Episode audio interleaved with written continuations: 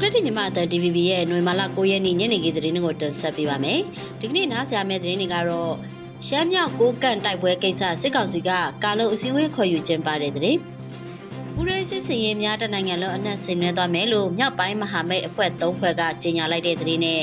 မလေးရှားမှာအပန်းဖြေစခန်းအဆောက်အဦပြိုကျပြီးမြန်မာအလုပ်သမား၄ဦးပိတ်မိနေတဲ့သတင်းတွေကိုနားဆင်ရမှာဖြစ်ပါတယ်။ ရှမ်းပြည်မြောက်ပိုင်းမြို့၃မြို့နဲ့တပ်စခန်းမော့100ကျော်တိမ့်ပိုက်ခံရပြီးတဲ့နောက်စစ်ကောင်စီကအမျိုးသားကာကွယ်ရေးနဲ့လူချုပ်ရေးကောင်စီအစည်းအဝေးကိုနွေမာလာ10ရက်နေ့နေ့လယ်ပိုင်းကနေပြည်တော်ရှိ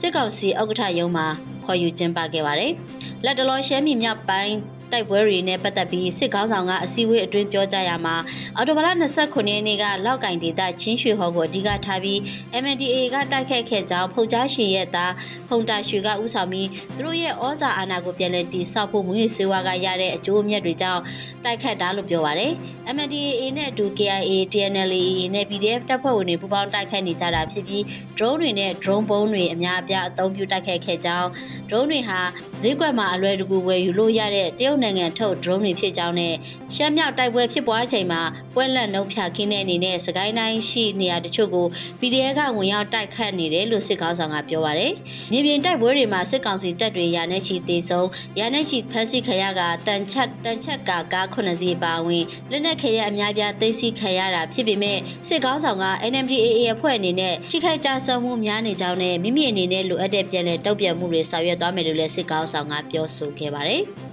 တော်လိုင်းလက်နက်ကိုင်အဖွဲ့အစည်းတွေနဲ့ဟန်ချက်ညီပူးတဲ့စစ်စင်ရေးကိုမြန်မာတနိုင်ငံလုံးနဲ့မကြာမီဆင်နွှဲသွားမယ်လို့မြောက်ပိုင်းမဟာမိတ်သုံးဘက်ကဒီကနေ့ကြေညာလိုက်ပါတယ်။စစ်စင်ရေးစတင်တဲ့အောက်တိုဘာလ29ရက်နေ့ကနေနိုဝင်ဘာလ10ရက်နေ့ကအထိ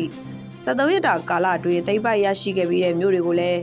မိမိတို့အနေနဲ့အလုံးစုံဆက်လက်ထိန်းချုပ်ထားနိုင်ပြီးမိမိတို့အချုပ်ရည်နဲ့ပြီးသက်အစားထိုးနိုင်မှုစ조사နေကြောင်းဆိုပါတယ်။10-20ခွန်စစ်စင်ရေးရဲ့စီးရေးမျှော်မှန်းချက်တွေကဆီယနာရှိအမြင့်ပြည့်ရေးအတွက်စီးရေးဆင်နွှဲနေတာတွေမဟုတ်ပဲ လောင်ကစားလိမ့်လည်မှုချက်ပြင်းပပျောက်ရေးနဲ့ဆက်ဆက်တဲ့ကိစ္စရပ်တွေကိုလည်းသက်ဆိုင်ရာနယ်မြေတွေမှာဆက်လက်ဆောင်ရွက်နေတယ်လို့ညီနောင်သုံးဘက်ကပြောပါရယ်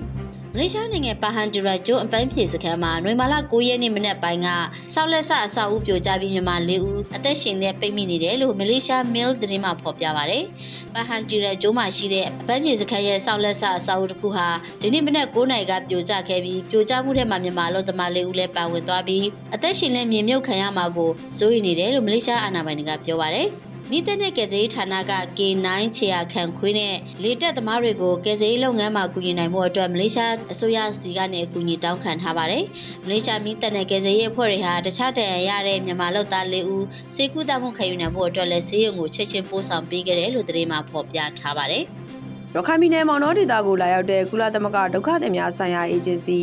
UNHCR ရဲ့စီမံအုပ်ချုပ်ရေးဆိုင်ရာလက်ထောက်မဟာမင်းကြီး Ralph Masu နဲ့တွေ့ဆုံခဲ့ရမှာ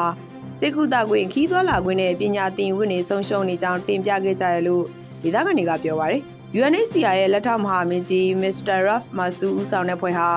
မောင်နှောဒေသရှိမွတ်စလင်တွေနဲ့ရောဟိန္ဒူတွေနဲ့ပါနိုဝင်ဘာလ9ရက်နေ့မှာတွေ့ဆုံခဲ့တာဖြစ်ပါတယ်။ Mr. Ralph Masu နဲ့ဖွဲ့ဟာမောင်နှောအောင်မလကျေးရွာနီရှိဟိန္ဒူကျေးရွာသားတွေနဲ့လည်းတွေ့ဆုံခဲ့ပြီး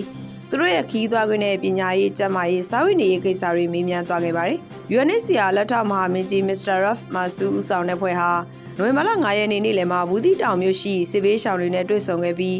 စာဝတ်နေရေးလွှဲချက်အခက်အခဲတွေနဲ့နေရက်ပြန်နိုင်ရေးဆွေးနွေးညှိနှိုင်းခဲ့ကြပြီးမှတ်တမ်းယူသွားတယ်လို့စစ်ဘေးရှောင်စခန်းတာဝန်ရှိသူတွေထံကသိရပါတယ်။